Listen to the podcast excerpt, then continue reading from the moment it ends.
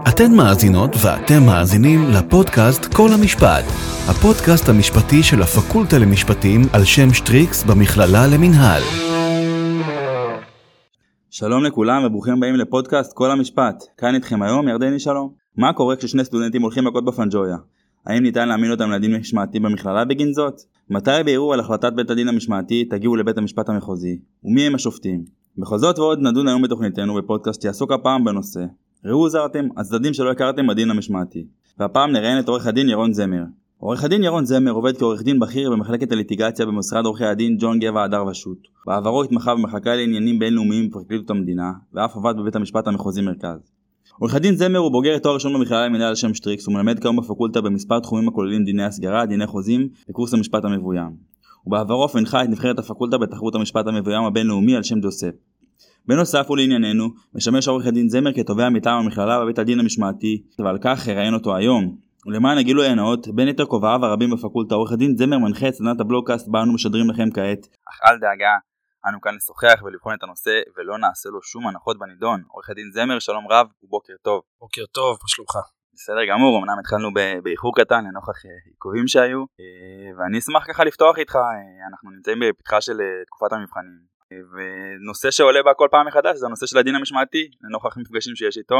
בדרך כלל בצד הלא נעים. אז אני אשמח שתפתח ותספר לי מהו בעצם הדין המשמעתי בכלל ואיך זה רלוונטי לסטודנטים שלומדים במכללה.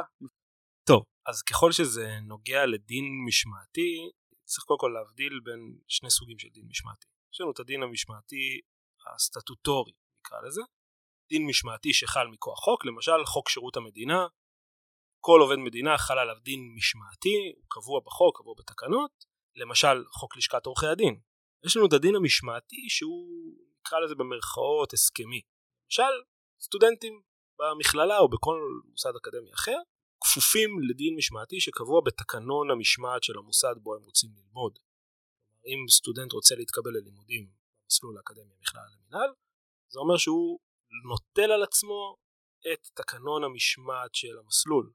אתה אומר בעצם שכולנו שכחנו שחתמנו על זה ביום שנרשמנו ללימודים? אגב סביר להניח שלא חתמתם אבל uh, בתקנון הלימודים כשאתם הצטרפתם אנחנו לא נלך למושכלות של דיני חוזים מה זה חוזה אחיד או תקנון הלימודים הצטרפתם אז ידוע לכם גם לכל סטודנט שיש בעצם תקנון משמעת וכל סטודנט מכפיף את עצמו בעצם לתקנון המשמעתי.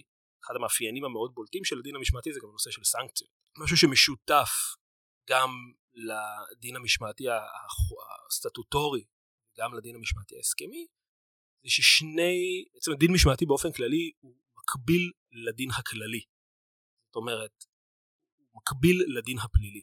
הוא לא בא במקום הדין הפלילי, הוא גם לא בא במקום הדין הכללי.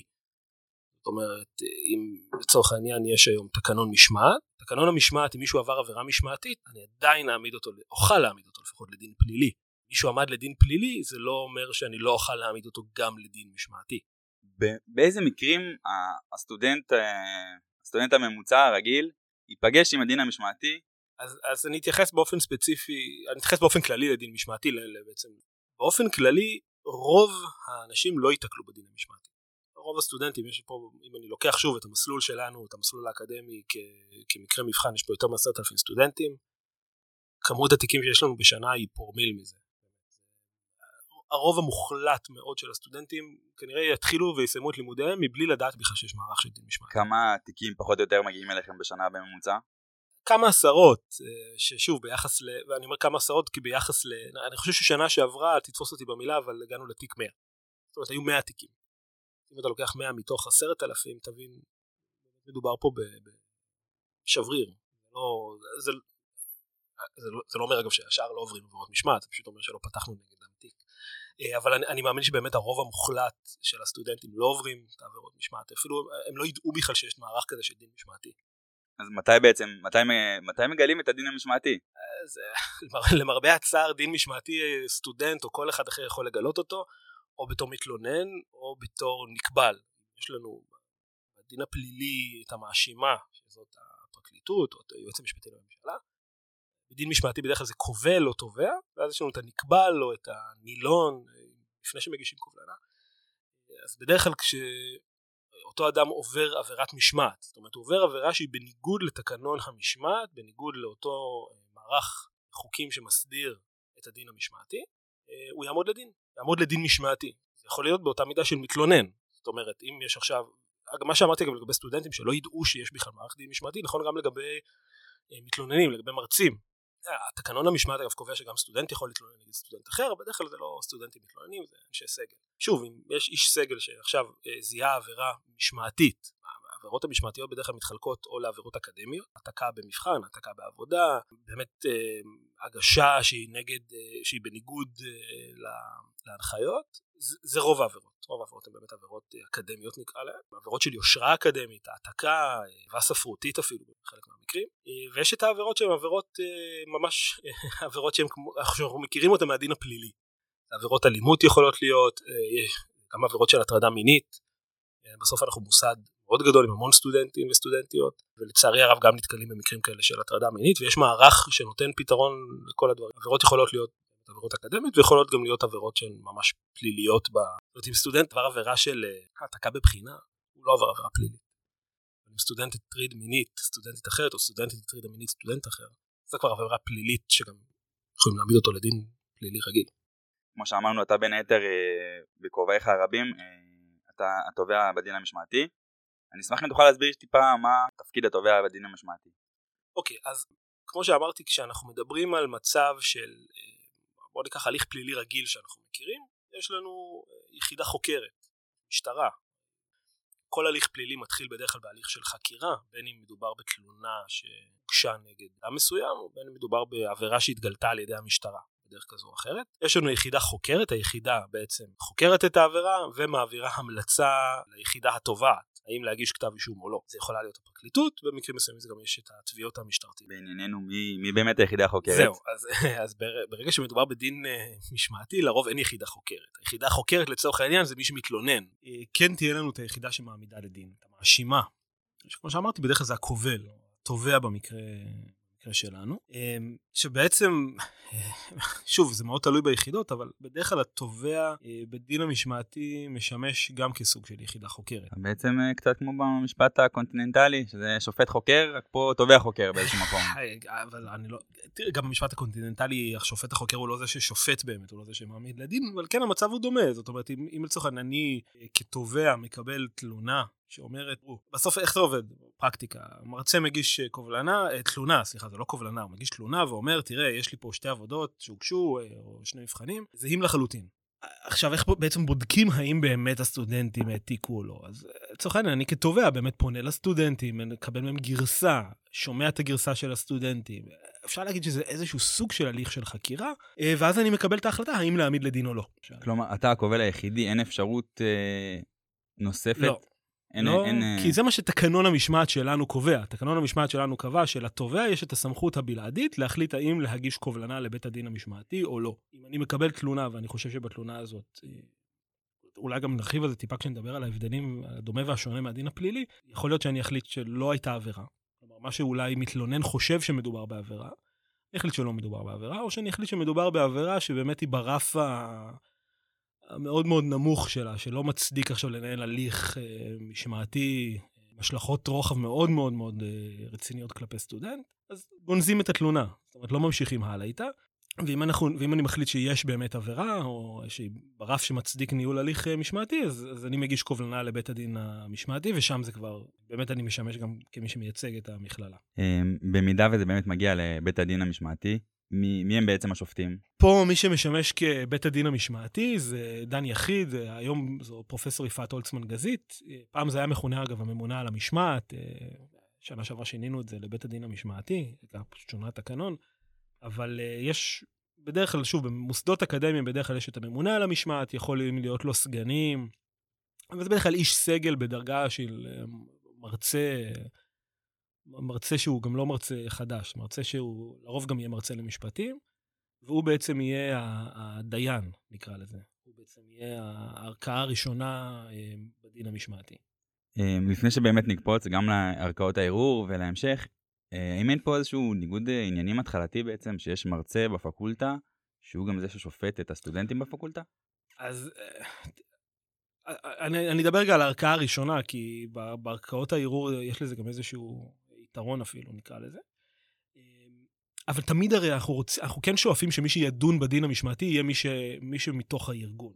אז תמיד יהיה פה איזשהו ניגוד עניינים נקרא לזה. אני לא חושב שיש מהסיבה הפשוטה, בדרך כלל אותו מרצה לא בהכרח מכיר את הנילונים. יש באמת מאות סטודנטים, אלפי סטודנטים בפקולטה למשפטים, אז לא כל מרצה מכיר את כל הסטודנטים, יכולים בהחלט להיות מקרים, וגם היו מקרים שבהם הדיין או הממונה על המשמעת מכיר את הסטודנט, ואז הוא לא דן בתיק. ואני מישהו נקודתי אד הוק שיחליף אותו. אותו דבר כמו שאם אני כתובע, אני גם מרצה כאן. שוב, כל בעלי התפקידים הם, הם, הם, הם במערך הדין המשמעתי הם בדרך כלל גם אה, נושאי תפקידים בארגון. גם אני מרצה כאן, יכול להיות מצב שבו אני אצטרך להעמיד לדין מישהו שהוא סטודנט שלי. גם בתוך הלשכת עורכי הדין זה, זה, זה אותו מצב, זה לא מצב חריג בעצם. אה, תראה, בלשכה זה טיפה שונה, כי שוב, בלשכת עורכי הדין... אבל גם הדיינים הם עורכי דין בעצמם שם, לא? נכון, לא רק הדיינים, גם הקובל, מי שמייצג את, ה, את הלשכה בעצם בפני בית הדין המשמעתי זה עורכי דין. עורכי דין שהם באי כוח הלשכה. אז תמיד זה יהיה באמת אנשים מאותו, אנשים מאותו ארגון. יש לזה גם יתרונות, כי באמת אנשים שבדרך כלל בקיאים, מכירים את הארגון, מכירים את האופי של הארגון. כאן ב, ב, במכללה, אז באמת הממונה על המשמעת היא מרצה שהיא מרצה בכירה, שמכירה את המערך הדין המשמעתי, מכירה את פסקי הדין. אז, אז יש לזה באמת יתרונות, כי מכירים את האופי. בערכאת הערעור יש לזה גם איזשהו, אמ, אה, יש לזה איזשהו פורמט טיפה אחר, כי פה, בדרך, פה בערכאת הערעור, לפחות במסלול האקדמי, אה, בית הדין לערעורים עומדת בראשו היום דוקטור נילי קרקו אייל, היא נשיאת בית הדין, אה, ובעצם יש חברי בית הדין מכל אחת מהפקולטות, מכל אחת מיחידות הלימוד. זאת אומרת, אם מדובר בנילון שהוא מבית הספר, מהפקולטה למשפטים, ייקחו את חבר בית הדין שהוא מהפקולטה. אם מדובר במישהו נילון מהפקולטה למינהל עסקים, ייקחו מרצה מהפקולטה למינהל עסקים, הם יושבים לצידה של הנשיאה, של דוקטור נילי קרקו אייל, שהיא יושבת בכל הדיונים, ויש נציג של אגודת הסטודנטים. נציגות אגב, רק רק נציגות לאחרונה, וממש יושבת שם נציגה או נציג מאגודת הסטודנטים שהם כולם, כולם, כולם שווי ערך לחלוטין. זה ממש כבר מזכיר את אה, בית הדין אה, לענייני עבודה. נכון, נכון, נכון, נכון. אה, ואני חושב אגב שזה משהו שהוא באמת ייחודי לדין המשמעתי, שזה לא קורה ב... ב...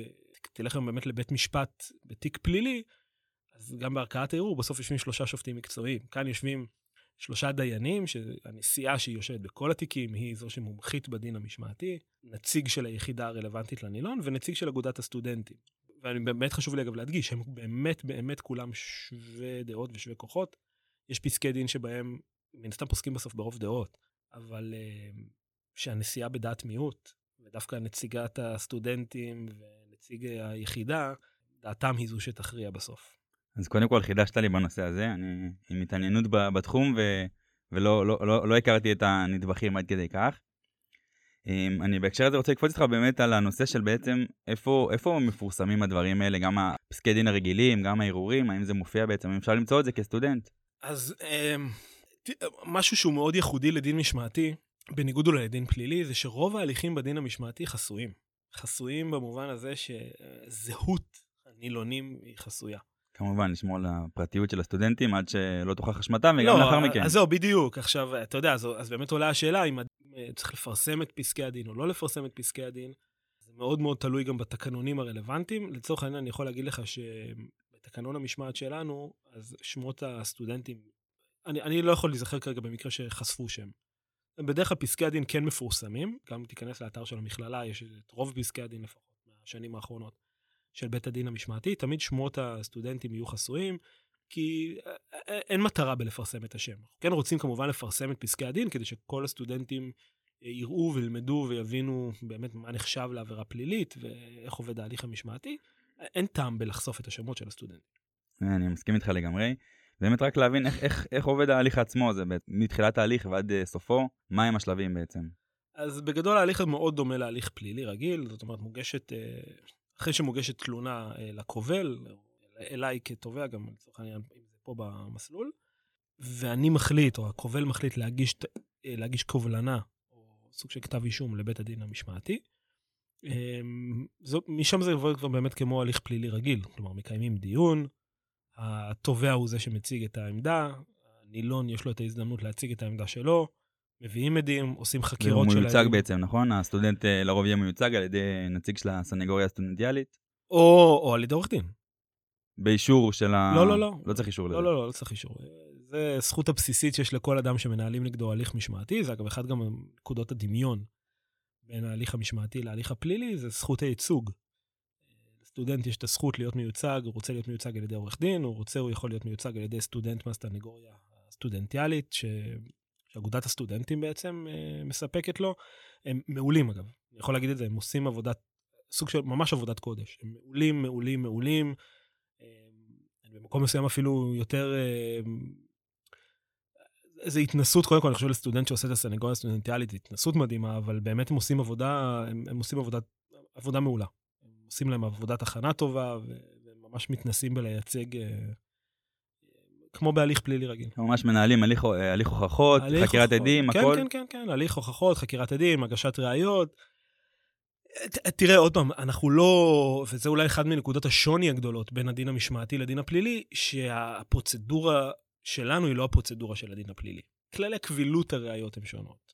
זאת אומרת, אה, פחות מקפידים פה עכשיו על אה, אה, דיות ראיות נקרא לזה. ראיה שלא הייתה מתקבלת בהליך פלילי, יכול להיות שכן תתקבל בהליך משמעתי. עכשיו רוצים להגיש חוות דעת לצורך העניין. בהליך הפלילי יש ממש כללים מאוד נוקשים וברורים איך מגישים חוות דעת. אם נרצה להציג עכשיו, סתם, אני אתן דוגמה הכי פשוטה. אמ, אני רציתי להציג אה, סרטון אבטחה שמראה, היה בעבירת אלימות, אגב, של סטודנט נגד סטודנטית, וזה תועד במצלמות האבטחה, אז רציתי להציג את מצלמת האבטחה. במהלך הדיון, פתחתי את המחשב והצגתי את הסרטון. אם היינו עכשיו בהליך פלילי, לא יכול לפתוח אה, לפטופ בבית המשפט ולהציג את הסרטון. צריך להביא את הטכנאי שהוציא את סרטי האבטחה, ולהביא את הבן אדם שהחזיק במצלמה, ומתי התקנת אותה, ובאיזה זווית, צריך לעמוד בכל אותן כללי פרוצדורה מאוד מאוד נוקשים. בהליך המשמעתי אין לנו את זה. שזה יכול לעבוד אגב... לשני הצדדים. לשני הצדדים בדיוק. עכשיו בהקשר הזה רציתי לשאול לגבי דוקטרינות משפטיות נוספות. אה, אנחנו עכשיו נמצאים אחרי הפסיקה של אה, בג"ץ בעניין דרעי, סתם למשל לגבי נושא של דוקטרינת ההשתק. אז... האם זה משהו שיכול להיטען בבית הדין? אז חד משמעית. חד משמעית זה יכול, יש הרבה מאוד דוקטרינות, ושוב, יש גם ויכוח ויכוח בפסיקה של בסוף מה הרף, שני, האם הרף בדין המשמעתי הוא אותו רף שיש בדין הפלילי.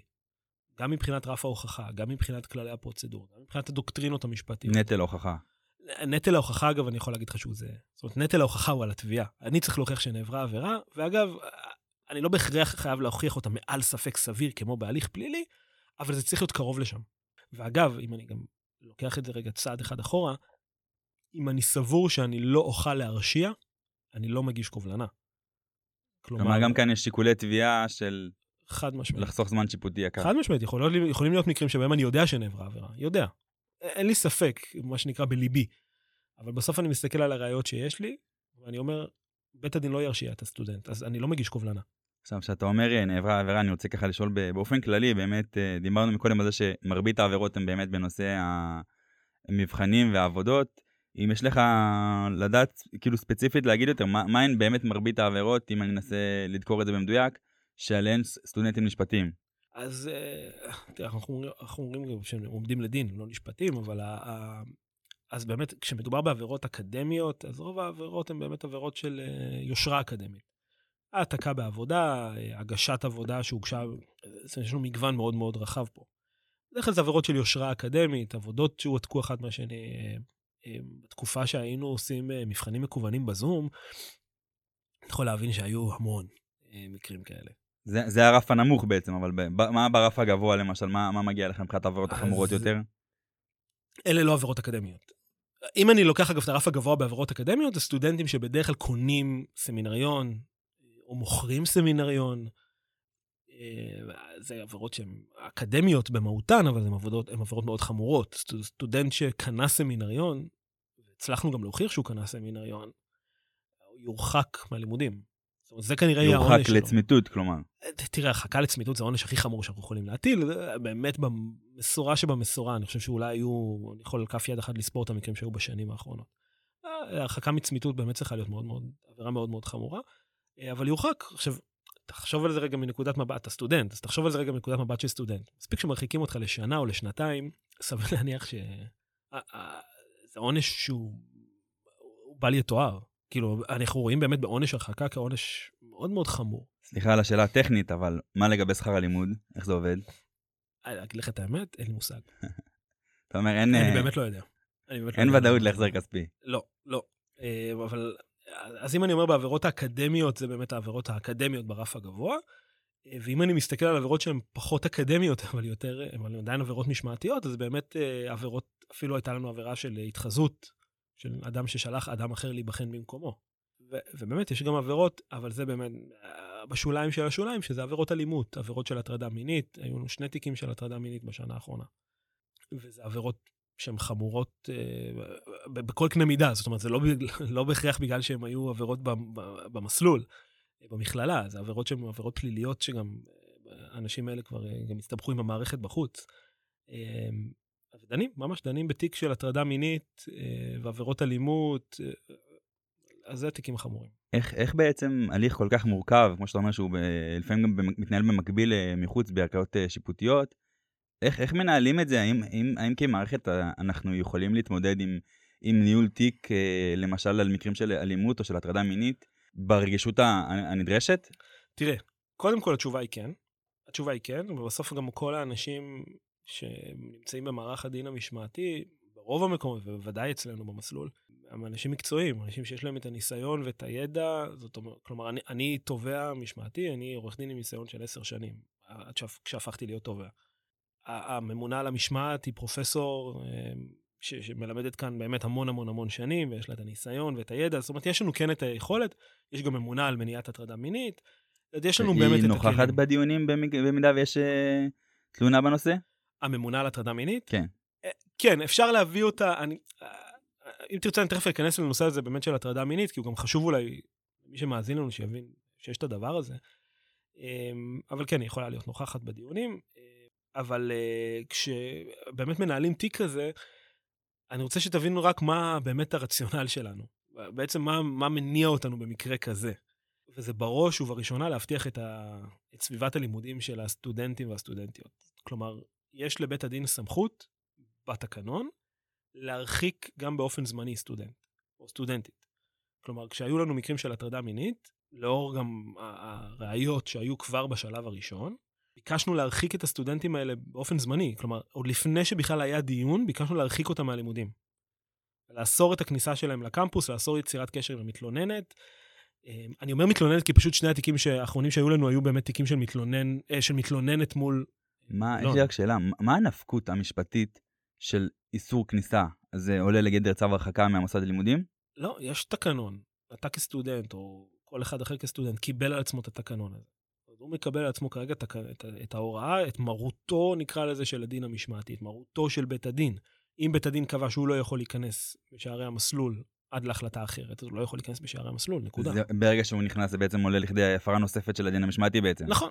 אה, תהיה הפרה נוספת של הדין המשמעתי, אה, ואני אומר עוד פעם, בסוף הדבר הראשון שמנחה אותנו זה הביטחון של הסטודנטים והסטודנטיות. כלומר, אם יש לנו פה סטודנט שאנחנו חושדים ש, שפגע, או סטודנטית אחרת, או סטודנטית שפגעה בסטודנט אחר, אז, אז כן, אנחנו נעשה כל מה שצריך, כולל להרחיק אותו באופן זמני.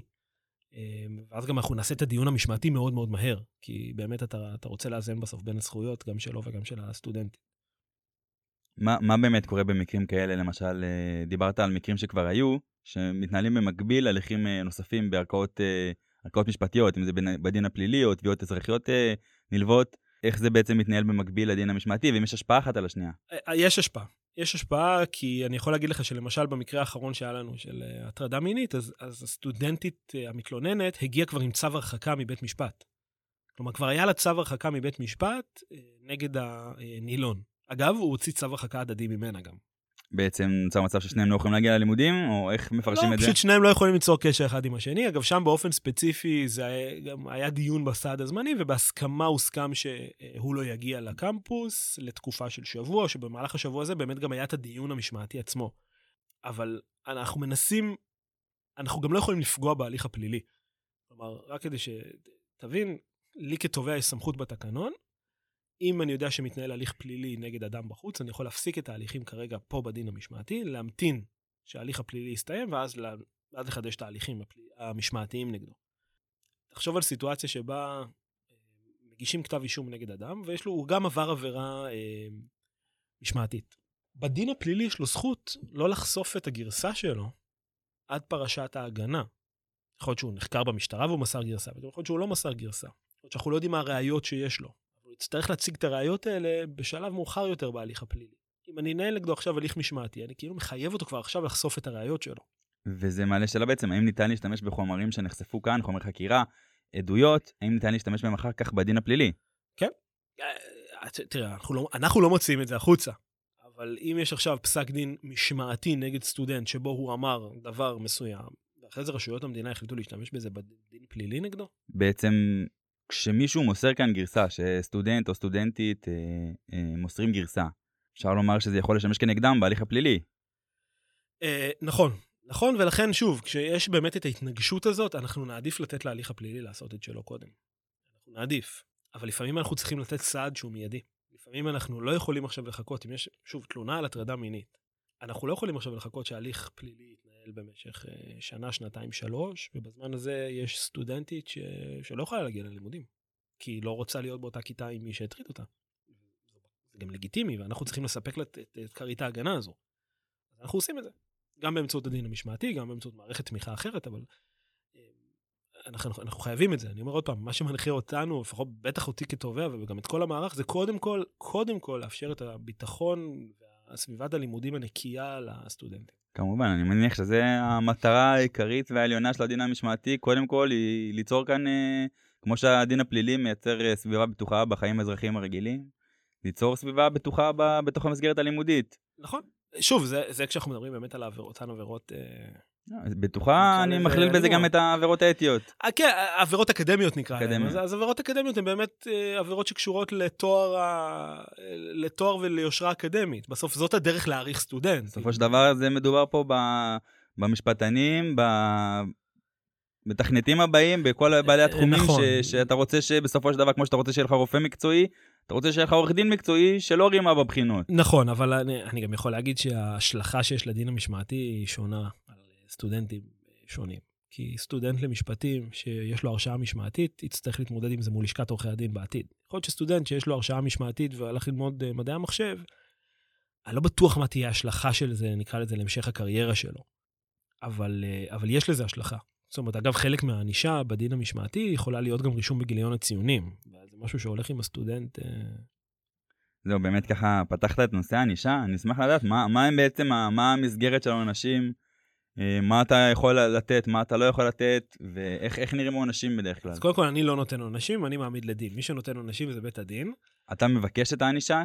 כן, כן. אני מבקש את הענישה. אה, אני רק, אני אגיד כמו שבדומה להליך פלילי, ככל שסטודנט יורשע, אה, אז עוברים לשלב של טיעונים, של, של הענישה. אם הוא מזוכה זה לא רלוונטי, אבל אם הוא מורשע, אז בעצם עוברים לשלב הענישה, ושם באמת כל אחד גם יכול להציג ראיות לעונש. שאלה ראיות שלא קשורות לביצוע עבירה. נקבע ממש מתחם ענישה גם והכל? אה, אנחנו עדיין לא שם. אה, יכול להיות שבמרוצת הזמן כן יקבעו איזה סוג של מתחמי ענישה, אבל כן יש רף ענישה מקובל. יש רף ענישה. וזה גם מקובל בתקנון בעצם, על עבירות מסוימות שיש עונשי חובה.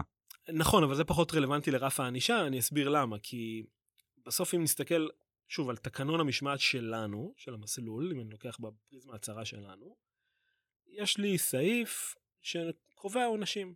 אומר, העונשים נעים החל מנזיפה, שזה העונש הקל ביותר, ועד להרחקה לצמיתות, שזה העונש החמור ביותר. ושם יש לי באמת מנעד רחב של עונשים. זה יכול להיות אה, הרחקה על תנאי, זה יכול להיות הרחקה בפועל לשנה, שנתיים, שלוש, צמיתות, לא משנה.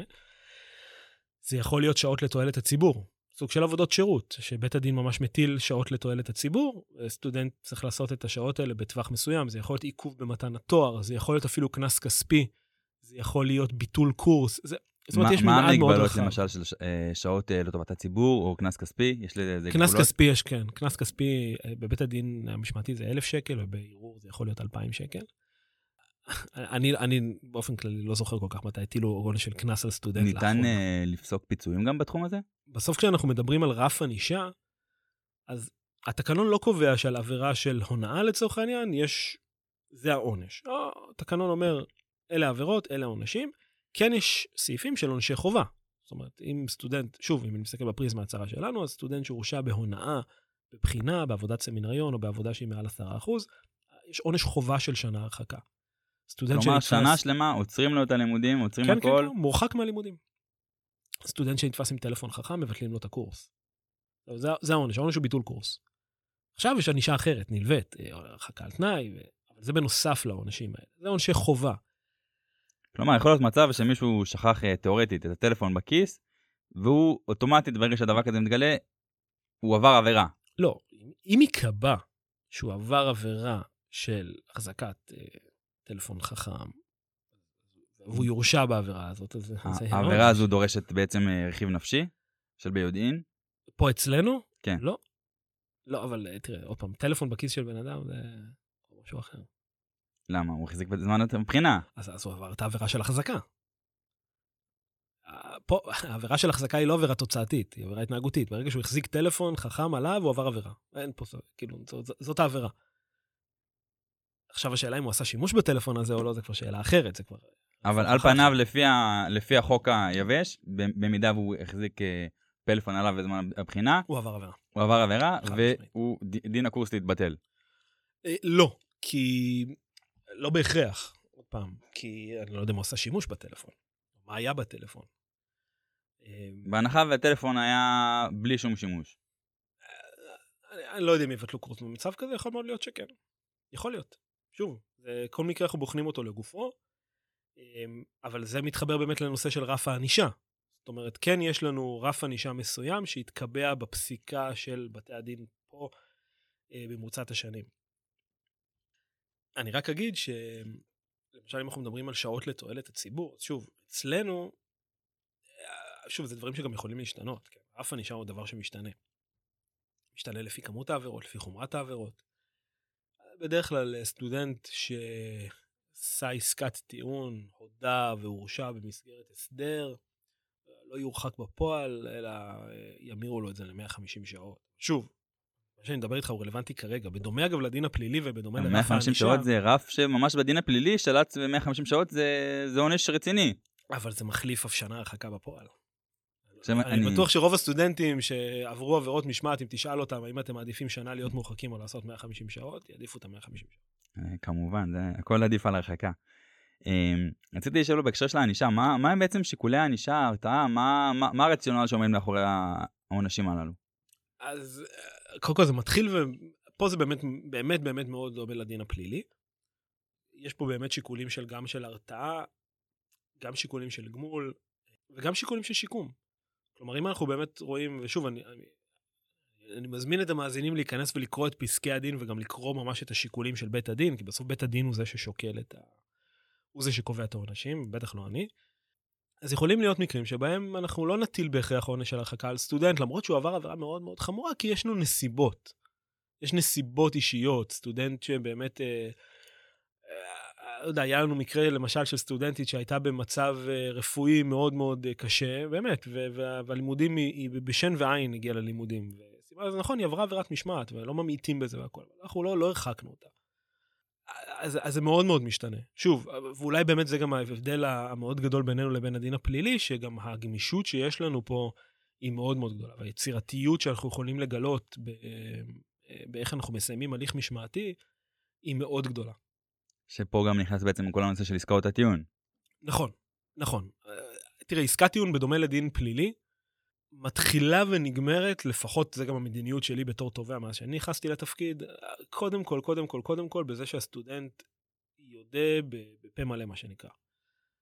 אני, אני באופן אישי מתנגד לעסקאות טיעון שנעשו אה, בקניית סיכון. אני לא מאמין בקניית סיכון. אני מאמין ב... מה הכוונה?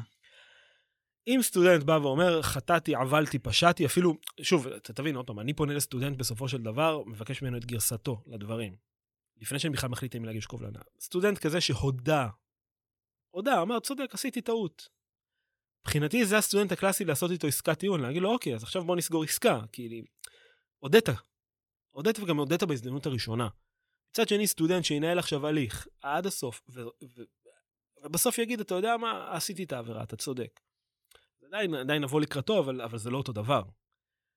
ואם סטודנט בא ואומר, אם אתה תסתכל היום על, על השיקול לעשות הסדר טיעון בדין הפלילי, חלק גדול מהסיכ... מהשיקולים הם באמת שיקולים של אה, קניית סיכון. הפרקליטות באה ואומרת, אה, תשמע, אני, אני לא יודע אם אני אוכל להרשיע אותו. נעשה איתו הסדר טיעון מקל, כי אני, אה, יש לי פה בעיה ראייתית. אצלנו זה פחות השיקול. כלומר, אם יש לי בעיה ראייתית ואני לא יכול להוכיח, אז אני, אז אני לא אגיש קובלנה. אם אני יכול להוכיח... אפשר להגיד שבאיזשהו מקום הרף שלכם אפילו מחמיר יותר מהדין הפלילי בהקשר הזה, של הבחירה להגשת uh, כתב אישום. Uh, חד משמעית. חד משמעית, אגב, אני אומר את זה בפה מלא. אני, אני, שוב, כי צריך, לה, לא שלעבירה פלילית יש כמובן השלכה מאוד מאוד קשה על בן אדם. אבל אני גם לוקח בחשבון שעל סטודנט שמוגשת נגדו קובלנה משמעתית לבית הדין, יש לזה השלכות רוחב מאוד מאוד קשות. אני לוקח את זה בחשבון, ולכן אני אומר, אם אני לא יודע שאני אוכל להרשיע אותו, ואני לא יודע שהוא באמת עבר עבירה, בית הדין יכריע כמובן אם הוא עבר את העבירה או לא. אבל אז, אז פשוט לא מגישים קובלנה. וסטודנט שמודה, אה, כן, נעשה איתו הסדר טיעון. דיברנו מקודם גם על הרף, נגענו בזה קצת שהרף בעצם הוא, הוא נמוך מעט יותר מה, מה, מהדרישה בדין הפלילי. איך היית, אם היית עכשיו אה, אבקש ממך לכמת לי את הרף, כמה אחוזים אה, של ודאות בשביל הרשעה שצריכים כאן? אז בוא נגיד שאם אנחנו אומרים בדין פלילי שהרף הוא 97 אחוז, ככה אומרים לפחות לפי הפסיקה, אז אצלנו זה יהיה פחות, זה יהיה, זה יהיה קצת יותר מ-50 אחוז. אה, הוא יהיה פחות. אבל עדיין צריך להיות רף כזה של מה שנקרא, שבית הדין ישתכנע שבאמת נעברה כאן עבירה. וזה אגב לא משהו גורף, אני חושב שכשאנשים שומעים קצת על הדין המשמעתי מבחוץ, אומרים, אה, אין סיכוי, אין לי סיכוי מול בית הדין המשמעתי, אין לי סיכוי, ש... וזה לא נכון. הבעיה היא שרוב האנשים לא שומעים על הדין המשמעתי עד שהם נפגשים איתו. נכון, נכון. אה, בסיטואציות לרוב לא, לא נעימות. נכון, נכון, נכון, אבל אני אומר, בסוף גם, גם אני כתובע צריך להילח... לא להילחם, אני אומר להילחם במרכאות, מול בית הדין המשמעתי כדי להוכיח את, ה... להוכיח את הקובלנה. זאת אומרת, בית הדין המשמעתי יזכה אם יש לו ספק. אה, עכשיו, השאלה כמה ספק צריך להיות. צריך לקרוא את הפסיקה כדי להבין גם באמת, כאילו, על בית הדין שלנו לפחות, איפה עובר הקו הזה, שהוא אומר, השתכנעתי שהסטודנט לא היה מודע, או השתכנעתי שלא נעברה כאן עבירה. יש אה, עילות סגירה בהקשר של הזיכוי? זיכוי או אי הרשעה מחמת אה, היעדר ראיות? אה, לא. אה, כשמדובר בהחלטה האם להגיש קובלנה או לא, יש או גניזה או הגשת קובלנה. לא, אה, לאחר הגשת הקובלנה. לא, אחר הגשת הקובלנה זה או שהוא מזוכה או שהוא אשם. תראה, בית הדין כן קובע לפעמים בפסקי הדין, נותר בי ספק ולכן החלטתי לזכות. כמו שהוא קובע, השתכנעתי שלא נעברה עבירה ולכן החלטתי לזכות. והרישום לזה יימחק, במידה ויש אין, אין שום רישום. אין שום רישום. שום רישום. אה, אוקיי, ובעצם, אה, אם אנחנו מדברים, דיברנו קודם על הנושא של הטרדות מיניות ועל מקרים של אלימות שהיו בעצם ברף היותר גבוה, באיזה מקרים בעצם מעבר על הדין הפלילי יהווה בהכרח מעבר על הדין המשמעתי בתוך המכללה למשל? זה, דו... אה, תראה, דווקא כאן אני רוצה לקחת לדוגמה את לשכת עורכי הדין, כי בלשכת עורכי הדין, אם הגישו כתב אישום נגד עורך דין, הלשכה, ברוב המקרים ישר תיכנס לתמונה. אז כבר נעברה, עבירה פליל... נעברה כבר עבירה משמעתית. אה, במקרה שלנו, זה שסטודנט עבר עבירה פלילית לא בהכרח ישר אומר שהוא עבר עבירה משמעתית, ממש לא. שוב, אם הוא עבר עבירה של הטרדה מינית, אז זה גם עבירה משמעתית, פשוט כי ככה קובע תקנון המשמעת שלנו. השאלה אם, זה, אם אה, נגיד מדובר בעבירה של הטרדה מינית או בעבירה של אלימות למשל. האם שני חברים מחוץ ללימודים הולכים מכות? האם הדבר, ומגישים תלונות הדדיות, האם הדבר גם יהיה עילה לפתיחת uh, קובלנה בהליך המשמעתי? ושניהם סטודנטים? כן. אז, אז זאת שאלה, זו שאלה מצוינת, גם שאלה שלא, לדעתי גם לא הוכרעה עד הסוף. לגבי הטרדה מינית התשובה היא כן, כי ככה קובע התקנון. התקנון קובע שסטודנט שעבר עבירה של הטרדה מינית נגד סטודנטית אחרת, אני יכול להעמיד אותו לדין גם אם זה נעשה בחופשה פרטית באילת. ואגב, אני גם אעשה את זה. כי בסוף, עוד פעם אמרתי, אני, אני חושב גם על הצעד אחד קדימה. אני צריך בסוף לתת לה סעד להגן עליה או להגן עליו, לא משנה, שוב. כשמדובר בעבירות אחרות, אז אין לי, אין לי, יש, יש סעיף של עבירת אלימות, אבל אחד הסעיפים שאנחנו עושים בו הרבה שימוש, במקרים האלה, זה התנהגות שאינה הולמת. ואז צריך כן להיות את הקשר למכללה. הקשר הזה לא חייב להיות קשר הדוק, זאת אומרת, המקרה האלימות הזה לא חייב להיות פה בתוך, אה, בין כותלי המכללה. אתה אומר, מספיק שהם יעשו לפנג'ויה ביחד. אה, שאלה אגב אם הפנג'ויה זה נחשב, אה, לא, אבל כן. נרשמים דרך המכללה, יש קשר. תראה, אני יכול להגיד לך למשל שהעבירה האחרונה שהייתה לנו של התנהגות אינה הולמת, הייתה על משהו שסטודנט כתב בקבוצת וואטסאפ של המסלול. עכשיו, זה לא היה קשור ללימודים, אבל מצד שני זה היה בקבוצת הוואטסאפ של המסלול, אז, אז, אז, אז, אז זה כן היה קשור ללימודים. בסוף אתה לא יכול לנתק את הקשר הזה. אה, השאלה האם, האם, האם זה המקום לשפוט את, ה, את הפלטפורמה הזאת באמת, האם, האם זה נחשב חלק מהמכללה, האם קבוצת אז. אה, חברים שנמצאים בכיתה אומנם ביחד, אבל נמצאים מחוץ לשעות הלימודים ומדברים אה, לאו דווקא דברים טובים על מישהו, האם זה יכול אה, לעלות לכדי פגיעה ב... אז בודקים, בודקים, כל מקרה, צריך כל מקרה לבדוק לגופו של עניין. אז היו מקרים בעצם שבית המשפט אה, התערב בהחלטות של הדין המשמעתי, או בעצם שהיו ערעור- ערעורים כלפי הדין המשמעתי אה, למול ערכאות חיצוניות נקרא לזה? כן, אז, אז התשובה היא, היא כן.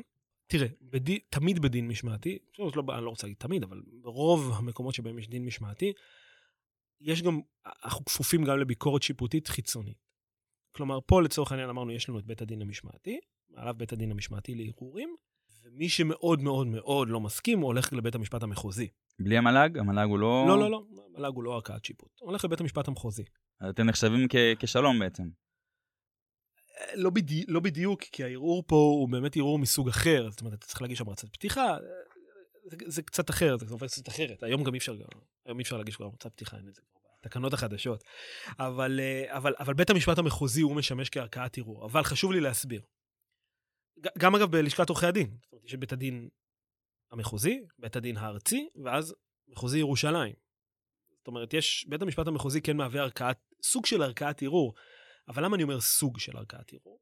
בית הדין לא בהכרח בודק את ההחלטה של אותו טריבונל משמעתי אה, לגופה. בית הדין כן, מתי בית המשפט יתערב בעצם? בעצם אנחנו חוזרים פה שוב פעם לדרעי לעילת הסבירות, אתה אומר. אה, גם עילת הסבירות. הוא בודק, אה, יש- בית משפט מתערב בסופו של דבר פחות או יותר בשני מקרים. אומר פחות או יותר כי אתה יודע, תמיד יכולים להיות מקרים חריגים. הוא בודק את סבירות ההחלטה. אבל פה ההחלטה צריכה להיות לא סבירה לחלוטין, לחלוטין, כדי שבית משפט יתערב. זה צריך משהו באמת, כאילו, שהוא, שהוא מצדיק את ההתערבות. והמקרה השני, אם ההחלטה ניתנה בסוג של חוסר סמכות, שהיא בניגוד לתקנון. אבל, אבל שוב, פה החוסר סמכות צריך להיות מאוד בוטה. זאת אומרת, צריך להיות משהו שבאמת לא היה סמכות להעמיד לדין מישהו, והוא כן עמד לדין, ואז באמת בית המשפט יכול מאוד להיות, יכול להיות שיתערב בזה. גם אם הייתה טעות בפסק הדין, נניח והייתה טעות, טעות משפטית, טעות עובדתית, לא משנה, בזה לא יתערבו. שוב, אני אומר, לא יתערבו, בסוף בית המשפט יכול לעשות מה שהוא רוצה, אבל, אבל זאת לא ההתערבות, זאת, זה לא ערכאת ערעור נוספת. בודקים את סבירות ואיך יתנהל ההליך ה- ה- המשמעתי. קח דוגמה אחת, בוא נגיד, שוב, זה לא קרה. אני תסתכל פה במסלול, אני חושב שהיה מקרה אחד בעשר שנים האחרונות שמישהו הגיע למחוזי. אל תתפוס אותי במילה, אבל אני חושב שזה פחות או יותר המספרים. אבל קח דוגמה שלמשל אנחנו רוצים להגיש נגד סטודנט אה, קובלנה משמעתית. אבל אנחנו באים ואומרים לו, תשמע, הדיון יתקיים מחר בבוקר, למרות שאגב, תקנון המשמעת קובע שצריך לפחות שבעה ימים. נכון, הדיון יתקיים מחר בבוקר אה, בשלוחה של המכללה בבני ברק. אבל הוא באילת מחר בבוקר. אנחנו אומרים לו, "אה, tough luck, בעיה שלך. אנחנו מנהלים את הדיון בהיעדרו, ואני בתור התובע קם ואומר לבית, המש... לבית הדין הנכבד, הסטודנט לא הגיע, אני מבקש להרשיע אותו בהיעדרו, בית הדין מרשיע, הוא מגיש ערעור, הערעור נדחה על הסף, על זה הוא ילך בוודאי לבית המשפט. סביר שבית משפט יקבל את זה. אבל בוא נגיד שיש סטודנט שמאוד לא משלים עם ההחלטה שלנו. בית משפט לא, לא נוטה להתערב בהחלטות כאלה, כי הוא אומר, בסוף הדין המשמעתי הוא באמת, ה- נקרא לזה, הממלכה הפנימית שלכם. יש לכם את המומחיות, יש לכם את, ה, את הכלים. הסטודנט או אותו אדם שכפוף לדין המשמעתי הכפיף את עצמו לתקנון המשמעת. זאת אומרת, הוא ידע שהוא נוטל על עצמו את הכללים האלה.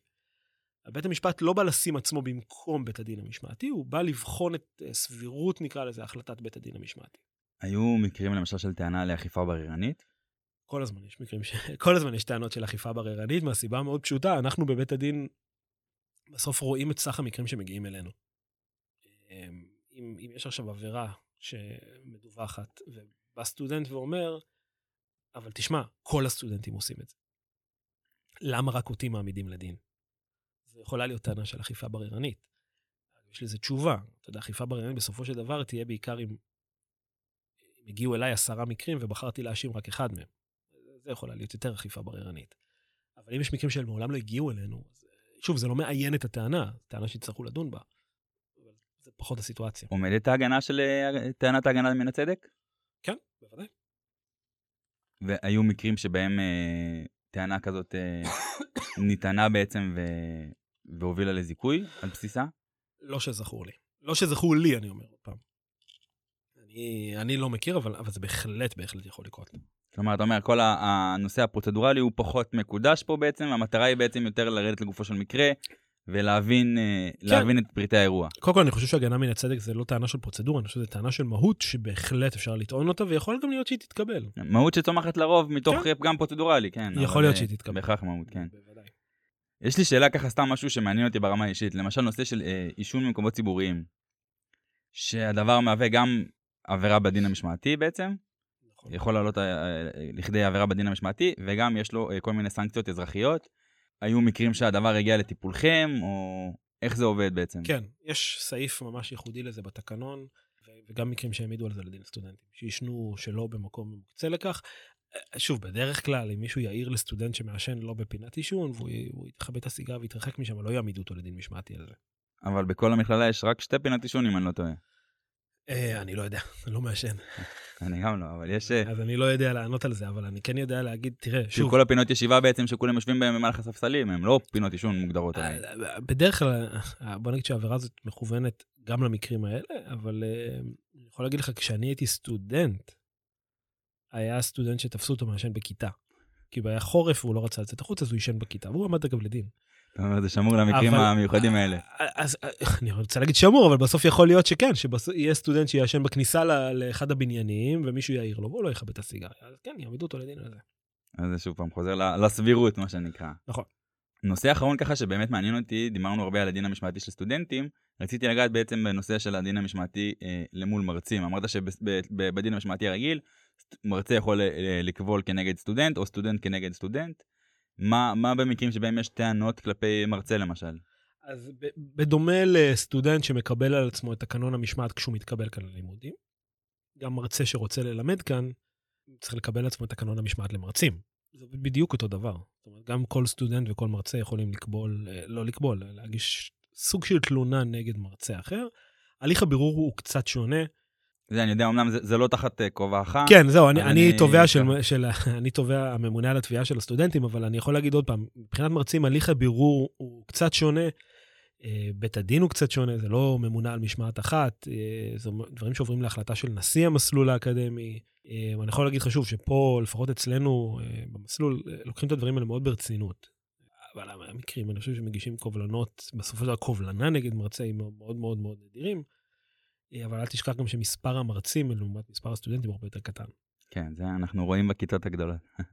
נגיד לסיכום בעצם, לאחר שדנו בכל החלקים הקשים האלו של הדין המשמעתי, בעונשים, בכל המסגרת, בכל הדברים, יש לך ככה כמה מילות uh, סיכום, איך, איך להשאיר אותנו אופטימיים בעצם, איך uh, להימנע מ- מלהיפגש איתך אני, אחרי בחינה לא טובה, ו... אני חושב שקודם כל, אני חושב שזה צריך דווקא להיות מאוד אופטימיים. כי כמו שאמרתי, והתחלתי בזה, וגם אני רוצה גם לסיים בזה, שרוב המוחלט של הסטודנטים באמת לא, לא ייתקלו בדבר הזה. לא יצטרכו להתעסק עם הדין המשמעתי, כי הם לא יעברו עבירת משמעת. כן יש את, את אותם מקרים שבשוליים, וחלק מהמקרים גם זה מקרים שסטודנטים באמת יכולים להיקלע אליהם. לא חלילה אומר שסטודנט שעבר עבירת משמעת אה, הוא, הוא לא בסדר, זאת אומרת, אה, יש לנו מנעד מאוד רחב של מקרים. אבל הסיבה להישאר אופטימי, כי באמת זה מקרים שהם הם לא נפוצים. אמ, והמערך שיש לנו באופן ספציפי כאן במסלול הוא באמת מערך מצוין, והוא מערך מאוד קשוב, והוא מערך שבאמת אה, אה, מברר את הדברים עד תום.